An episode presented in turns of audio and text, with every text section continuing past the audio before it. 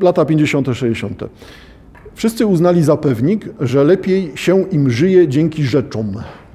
W zależności od zarobków wymieniali kuchnię węglową na gazową, drewniany stół nakryty ceratą na melaminowy, e, Citroena 4CV na Renault Dauphine, maszynkę do golenia z żyletkami oraz żeliwne żelazka na ich elektryczne odpowiedniki, metalowe utensylia na plastik. Przedmiotem najbardziej pożądanym i najdroższym był samochód, synonim wolności, całkowitego panowania nad przestrzenią i w pewnym sensie nad światem. Nauczyć się prowadzić i zdać egzamin na prawo jazdy było zwycięstwem i czymś niemal równym uzyskaniu dyplomu. I tu się powoli dzieje coś, co y, moim zdaniem jest ewidentną, ewidentnym przykładem tego, że tekst jest podatny na zdradę. Czyli to, co ja teraz powiem, nie ma nic wspólnego z tym tekstem i z, tym bardziej z zamiarami y, Erno. Bo ja czytając taki fragment i będą one teraz wielokrotnie wracać, no widzę ten obcy mi punkt widzenia, tak? Nie, nie jestem Francuzem, to są inne realia, e, ale jednocześnie nie mogę powstrzymać się od tego, żeby dostrzec tutaj coś, co nie jest w tej powieści zamierzone. Otóż ten ciąg lat 50., 60., 70., 80., 90., no bo tak to będzie leciało e, u Erno, jest czymś, co mnie jako czytelnika polskiego skłania do tego, żeby widzieć, że pewne rzeczy nie ulegają zmianie. To znaczy kolejność doświadczania rzeczywistości, chociażby to najbardziej pożądanym, najdroższym był samochód synonim wolności.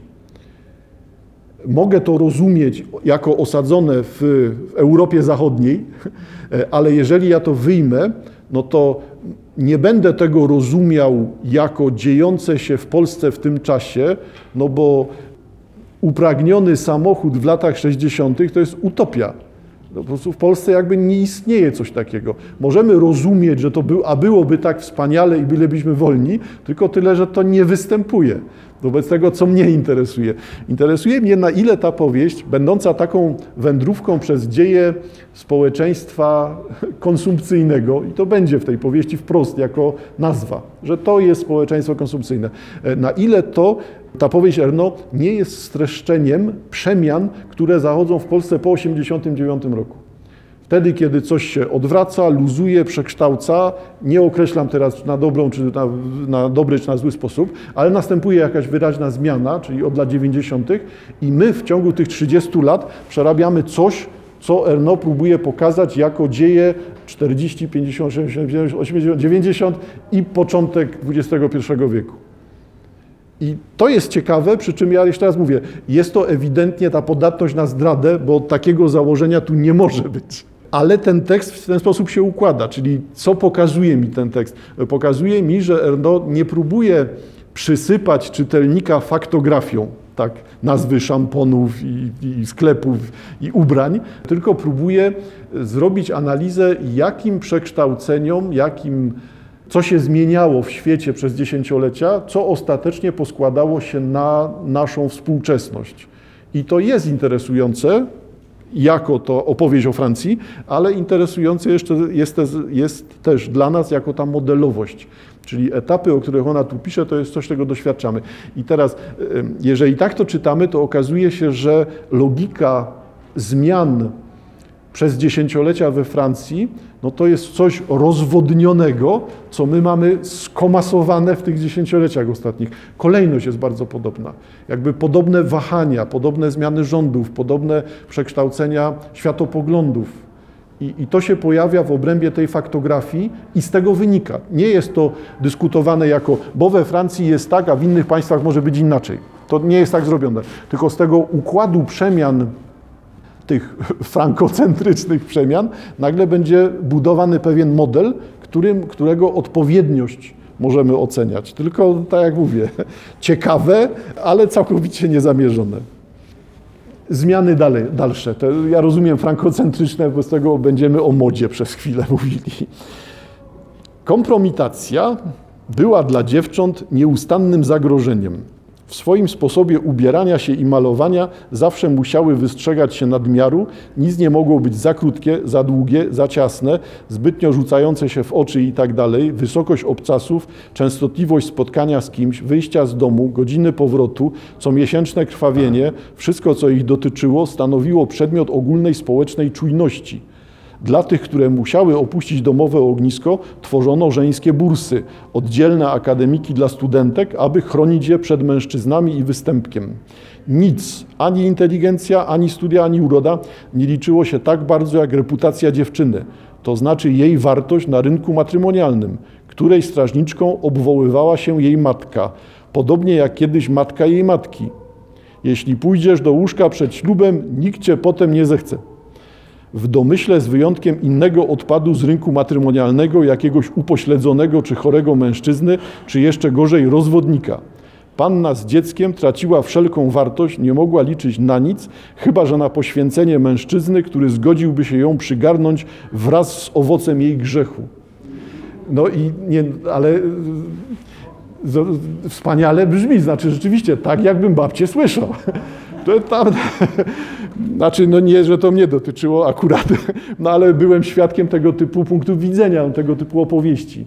E, wobec tego ta zależność występuje, ale akurat ten przykład to jest rzeczywistość poprzedzająca zmiany w Polsce. Bo podejrzewam, że e, ostatnie momenty, kiedy taka opowieść, taki punkt widzenia losów córki mógł być zasadny, musiałaby się rozgrywać w latach 80. w Polsce i już z lekkim zawahaniem, czy to jednak nie w 70. na poważnie, ale powiedzmy, że w 80. W 90. jakby całkowicie temat przestaje istnieć. No ale rozpoznajemy to jako też swoją przeszłość, jako taką relację pośrednio dotyczącą naszego światopoglądu. No i mamy zmiany. Nie byliśmy dorośli. Życie seksualne pozostawało ukradkowe i niezręczne. Odbywało się wciąż pod groźbą wpadki. Oficjalnie nikt nie uprawiał seksu przed ślubem. Chłopcy uważali, że dowodzą swojej egzotycznej, erotycznej biegłości, rzucając sprośne aluzje, ale i tak jedyne co umieli, to wytrysnąć w takim miejscu ciała dziewczyny, w którym, jak podpowiadała jej ostrożność, było to bezpieczne. Trudno było określić, czy jest się dziewicą, seksualność pozostawała nierozstrzygniętą kwestią. Dziewczyny godzinami dyskutowały o niej w pokojach akademików, do których żaden chłopak nie miał prawa wstępu. Szukały rady w książkach, czytały raport Kinseya, żeby się, utwierdzić się w przekonaniu, że mają prawo do rozkoszy. W stosunku do seksu odziedziczyły wstydliwość swoich matek. No i zauważmy znowu, to jest ta no to z jednej strony faktografia, opisujemy coś, co należy do przeszłości i znowu sięgamy do tego, no ale jak to wygląda w moim życiu? Możliwe, że ta aktywacja tutaj, to, że czytelnik jest zmuszony do tego zestawiania, porównywania się, uzmysłowienia sobie, znalezienia się w tym toku opowieści, e, może to jest też jednym, jedną z rozgrywek, które tutaj się toczy. Ta opowieść o tym, a jak to z Tobą było? No więc możemy się w prosty sposób identyfikować, no ale możemy też widzieć coś na zasadzie to nie ja, przeszłość, mnie to nie dotyczy. No, w różny sposób wymusza to na nas tego typu aktywność. Coraz szybsze pojawianie się rzeczy odsuwało przeszłość w cień. Ludzie nie zastanawiali się nad ich użytecznością, po prostu chcieli je mieć i cierpieli, bo nie zarabiali dość dużo, żeby niezwłocznie je sobie kupić. Uczyli się wypisywać czeki, odkrywali udogodnienia w płatnościach i kredyt konsumpcyjny. Nowości wprawiały ich w dobry nastrój, odczuwali dumę korzystając z odkurzacza i elektrycznej suszarki do włosów. Ciekawość była silniejsza od nieufności. Poznawano dania surowe i flambirowane, stek tatarski z pieprzem, nowe przyprawy i keczup rybę panierowaną i pire w proszku, mrożony groszek, serce palmy, płyny po goleniu, żel do kąpieli i karmę do psów, dla psów. Sklepy KOP znikały, zastępowane przez supermarkety, e, w których klienci z zachwytem mogli dotknąć towaru, zanim go kupią. Ludzie czuli się wolni, niczego nie trzeba było, nikogo nie trzeba było o nic prosić. Co wieczór serwowały klientom bezpłatny wiejski bufet sklepy.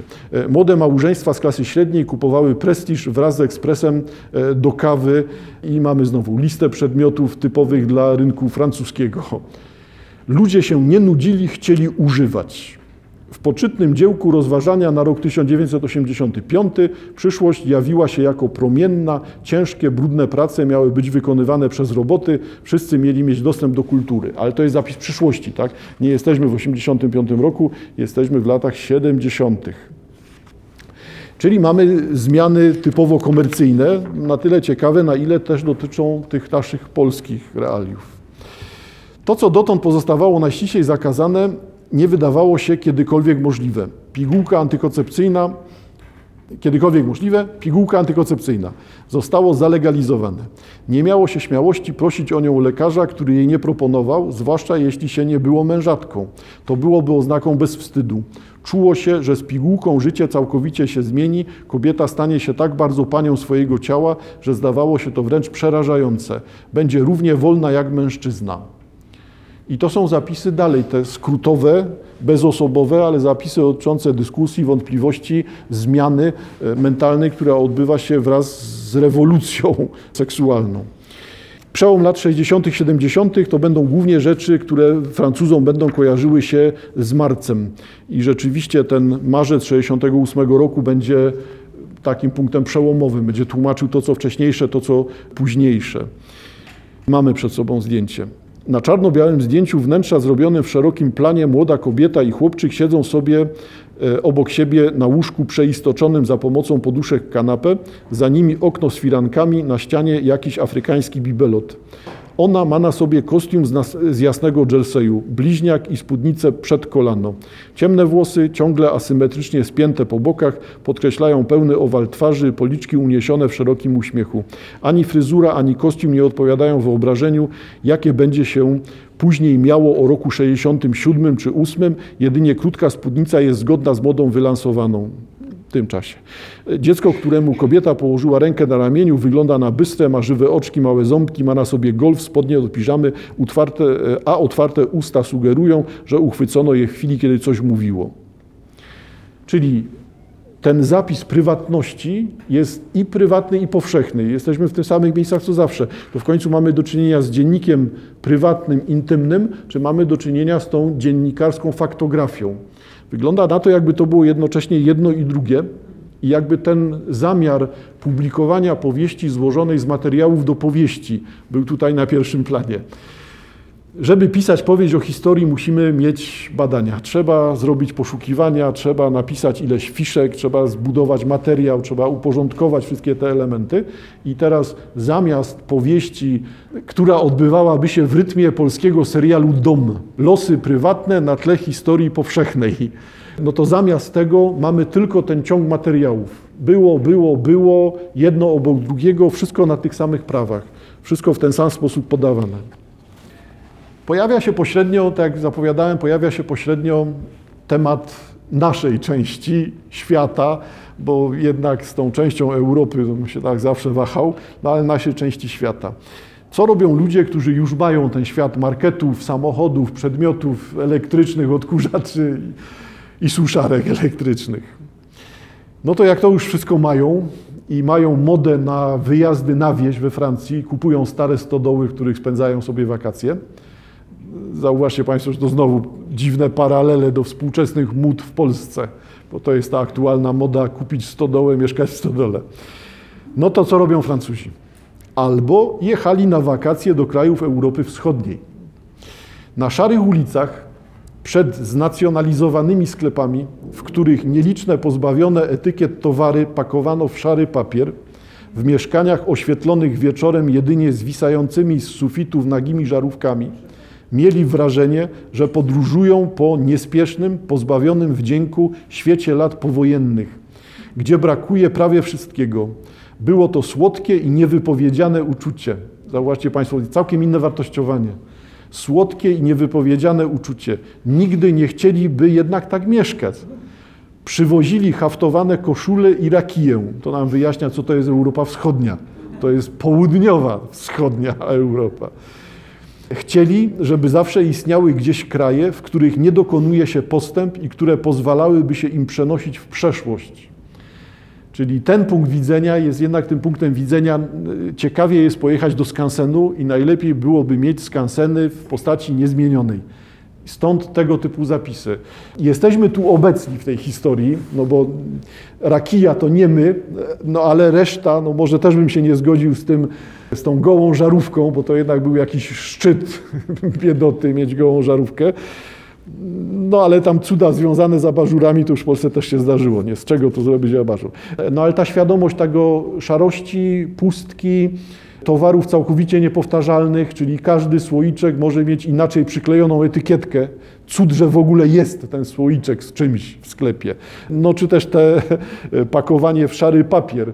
Tylko to pakowanie w szary papier chyba zniknęło w połowie lat 80. w Polsce. Bo jeszcze w latach 70. było jakąś regułą pakowanie w papier, ale teraz bym się wahał, w którym momencie lat 80. poznikało to ze sklepów. Raczej bym na połowę wskazywał. Na pewno w latach 70. w księgarni pakowano książkę w Polsce w sposób poprawny. Czyli była to książka zapakowana z każdej strony i obwiązana szturkiem z pętelką. Tak, także to było w księgarniach w latach 70. W latach 80. już nie, bo z tego sklepy tutaj, tak bym raczej myślał, nie, że tutaj zmiana w Polsce jest trochę późniejsza. No ale my tu jesteśmy w czasach wcześniejszych, czyli rzeczywiście lata 70. to jest coś, co dla Francuzów jest atrakcyjne w naszym kraju, no bo czują się jakby byli znowu dziećmi. Jesteśmy w miejscu, które jest w punkcie zerowym. Erno ma 4 lata w momencie końca II wojny światowej. Dla niej ten świat lat dziecinnych, no to jest ten świat pustka, zniszczenia, niech będzie jakiś rodzaj biedy zapewne. Bardzo trudno się porównuje takie rzeczy. No i w tym jesteśmy młodzi i patrzymy w przyszłość, która staje się na naszych oczach. Wobec tego, jak mamy 30 lat, to jedziemy do takiego kraju, który nam przypomina, tak to wyglądało, odmładza nas. Stąd ten skansen, o którym wspominałem, niekoniecznie jest tutaj jakimś zarzutem czy jakąś muzealnością, tylko jest właśnie takim powrotem do czegoś, co mogłoby istnieć zawsze. No, inny sposób myślenia, nie? inny punkt widzenia Polski, czy też Europy Wschodniej, trzymajmy się tekstu. Zapowiadałem, że ta kategoria społeczeństwo konsumpcyjne się tutaj pojawia. Społeczeństwo miało już teraz swoją nazwę. Stało się społeczeństwem konsumpcyjnym. Był to fakt bezdyskusyjny, pewnik, którego, czy człowiek sobie tego życzył, czy nad tym ubolewał, nie dało się podważyć. Wzrost ceny ropy naftowej przerwał ten trend tylko na chwilę i to nas osadza w czasie, czyli jesteśmy w latach 70., kryzys paliwowy. Był to czas wydawania pieniędzy ze szczególnym naciskiem na kupowanie rzeczy i dóbr mających zapewnić przyjemność. Fundowano więc sobie dwurzędową, dwudrzwiową lodówkę, zwinne Renault 5, tydzień w klub hotel, kawalerkę. Zmieniano telewizor. Na kolorowym ekranie świat był piękniejszy, a wnętrza godne pozazdroszczenia. Znikał dystans, gdy czerń i biel, który czerń i biel ustanawiały wobec codzienności jej surowy, niemal tragiczny negatyw. Reklama pokazywała, jak trzeba się zachowywać, żyć, meblować, była kulturową wychowawczynią społeczeństwa. I to są rzeczywiście liczne publikacje. Znowu uparcie mówię o tym, tekst zdradza, no tego nie zamierzała. To są te publikacje, które pojawiają się w Polsce już od kilkunastu lat, analizujące na ile współczesne społeczeństwo polskie ukształtowane jest przez rynek reklamy z początku lat 90. Czyli ten moment wszystkich tych trutek na szczury, jakichś pierwszych elektromisów, czy innych cudów, które się występowały w tym czasie, czy też mydła, reklama mydła, reklama środków higienicznych, to jest coś, co pojawia się początek lat 90. w Polsce. Tylko my dopiero teraz zyskujemy to, zyskujemy taką świadomość, że to nie jest epizodyczne, że to nie było pozbawione treści. To jest coś, co ma swoje konsekwencje. Nie jako pamięć o przeszłości, tylko jako moment, kiedy zaczyna się oddziaływanie na osobę, na człowieka. W jaki sposób przerobić człowieka na uczestnika masowej konsumpcji. I tutaj już pojawia to się na zaawansowanym etapie, bo reklama występowała wcześniej. No dla mnie znowu właśnie tą ciekawostką jest to, że tak pokazana historia kazałaby mówić o historii Polski jako o historii reklamy. W jaki sposób zmienia się reklama, w jaki sposób ta reklama buduje jakiś ład, jakiś porządek w głowach współczesnych Polaków. To jest czytelny zestaw skojarzeń, tak? bo przecież współcześnie nie przeszłyby żadne reklamy typu ojciec prać. nie, nie będzie takiej reklamy, bo one się odwołują do niczego współcześnie. Nikt by nie wiedział o co chodzi, poza tym, że dziwnie mówią. No to nikt nie, nie zrozumie tych sienkiewiczowskich rzeczy, które tutaj są, bo nie, no po prostu nie ma, nie ma tego. Wobec tego e, historia reklamy w Polsce pokazuje historię przemiany, historię przebudowania. Ale czego? No, światopoglądu, systemu wartości, struktury społecznej, no niestety chyba wszystkiego tego naraz. Także tutaj uwagi o mediach, telewizji, reklamie URNO, no to są uwagi o procesach. Nie musimy wiedzieć, jak to we Francji wyglądało, tylko właśnie no, śledźmy proces. Zobaczmy, na czym polega to, co jest z tą streszczoną, syntetyczną historią Polski. No co dalej? Jesteśmy już po 68 roku, jesteśmy po rewolucji seksualnej, następuje zmiana systemu wartości.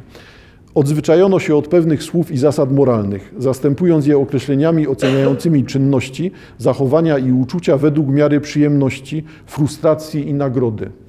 Czyli nie ma norm, jest tylko to, że to ci sprawia przyjemność, a to nie.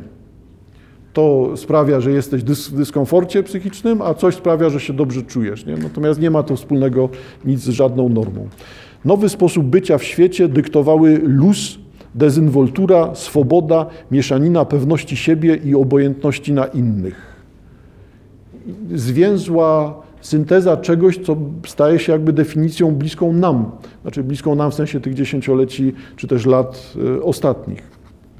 No ciekawe, ciekawe, e, co nie oznacza, że uwaga tego typu wartości upadły e, czyni Erno prawicową pisarką. No bo to, to nie poddaje się tej klasyfikacji. E, kolejna sprawa, którą ja teraz no, nawet chyba nie, nie zdołam wyciągnąć, jest to, że jak się czyta Erno, to czytamy przepaść pomiędzy terminologią polityczną, bo to, co lewicowe dla Erno jest prawicowe dla Polaka, a to, co jest prawicowe dla Erno, jest lewicowe dla Polaków. Nie? Jakby w ogóle terminologia się nam nie zgadza. Jakby te propozycje stron politycznych e, nie przylegają do historii Polski, no bo e, e, prawica we Francji prywatyzuje. No i to jakiś rozjazd jest, nie? Ponieważ prywatyzacja w Polsce jest działalnością lewicową, a prawica jest nacjonalizacją. No a tutaj lewica jest nacjonalizacją i lewica jest nacjonalizacją, aby podnosić wynagrodzenia i zmieniać warunki pracy robotników. No i w Polsce nie działa to w ogóle. Nie? Jesteśmy w świecie, który zgrzyta. No kto wie, czy Erno czytana w Europie Zachodniej nie jest czytana całkowicie inaczej. No pewnie tak właśnie jest. Jakby są inne rozpoznania czegoś takiego. Ciąg dalszy tych opowieści takich realistycznych. Zbliżało się natomiast do mediów państwo. Państwo oddala się od obywatela, a zbliża się do rzeczywistości medialnej. Politycy produkowali się w telewizji na tle uroczystych scenografii do wtóru dramatycznej muzyki, udając, że poddają się przesłuchaniom i mówią prawdę. Gdy słyszano, jak bez wahania cytują tak wiele liczb i nigdy ani niczym nie dają się zbić z tropu, domyślano się, że z góry mają zadane pytania. Jak w szkolnych rozprawkach chodziło o to, żeby przekonać. Z tygodnia na tydzień pojawiali się kolejni. Dobry wieczór, dzień dobry. Nie zapamiętano niczego z wyjątkiem myśli przewodniej ich wywodów, na których zresztą nikt nie zwrócił uwagi, gdyby czujni dziennikarze nie wprowadzali jej triumfalnie do obiegu. Fakty, rzeczywistość materialna i niematerialna dochodziły do nas za pośrednictwem liczb i procentów. Bezrobotni, sprzedaż książek, samochodów, prawdopodobieństwo raka i śmierci, opinie za i przeciw. 55% Francuzów uważa, że jest za dużo Arabów, 30% ma magnetowid, 2 miliony są bezrobotne. Liczby nie wyrażały niczego poza fatalizmem i determinizmem jest coś takiego, że pojawia się rzeczywistość medialna, która sprawia, że e, oddalamy się od świata, nie uczestniczymy w nim. Zasypują nas dane, ale te dane do niczego nam nie służą, nie, nie przekładają już na żaden obraz. A tu się już pojawiała przed chwilą uwaga na temat tego, ilu Francuzów uważa, że jest nadmiar Arabów i rzeczywiście tutaj też te uwagi UERNO będą się pojawiały jako ten element faktograficzny, no, sprawozdania z tego, jak wygląda światopogląd Francuzów. Nie ma ocen prowadzonych. Dalszy ciąg. Na peryferiach miast gigantyczne sklepy otwarte także w niedzielę oferowały tysiące butów, narzędzi i mebli. Hipermarkety olbrzymiały, dotychczasowe wózki zastępowano większymi. Ciekawa obserwacja. Ja też jakoś nie zwracałem na to uwagi, na ile stan naszych portfeli w Polsce możemy ocenić przy pomocy zmiany gabarytów wózka. Trzeba by o tym pomyśleć i okaże się, że rzeczywiście tak jest, czyli początek marketów w Polsce to są koszyki, takie druciaki do ręki, dwa ucha, coś takiego. E, potem następuje wózek, potem ten wózek się powiększa i przed pandemią nastąpił chyba ostatni skok wielkości wymiany wózków w marketach jakby już nie zmienialiśmy nic. Przynajmniej ja to tak rejestrowałem, że raczej te powiększanie wózków to do początków pandemii występowało. Pojawienie się nowości nie wywoływało już ekscytacji, wiara w bedustanny postęp odbierała chęć, by go sobie wyobrażać. Ludzie przyjmowali przedmioty zarówno bez zachwytu, jak bez niepokoju, jako dodatek do osobistej swobody i przyjemności. Co wobec tego jest tutaj ciekawe dla czytelnika również polskiego? Jeszcze raz, no właśnie to śledzenie przylegania, systemowości, rozwoju społeczeństwa konsumpcyjnego, gdzie jesteśmy, na czym to polega, co na mnie wpłynęło e, i obserwacje tego typu ocenić zmiany w codzienności poprzez zmianę gabarytu wózka jest obserwacją nietypową. Bo jakby trzeba zobaczyć ten, ten, ten realistyczny detal nie? i zobaczyć, że to jesteśmy w stanie zastosować po to, żeby wyjaśniać, co się w świecie dzieje. E, młode pokolenie. Młode pokolenie, jesteśmy w latach 80. Uczeni wychowani razem już od przedszkola. Dziewczyny i chłopcy rośli w spokojnie w atmosferze, która na naszych oczach wyglądała na niewinną, równościową. Zarówno oni, jak i one mówili językiem szorskim i grubiańskim, nazywali się nawzajem ciotami i kazali się odpieprzyć. Uważaliśmy, że są sobą, że traktują naturalnie to, co gnębiło nas w ich wieku, seks nauczycieli i rodziców.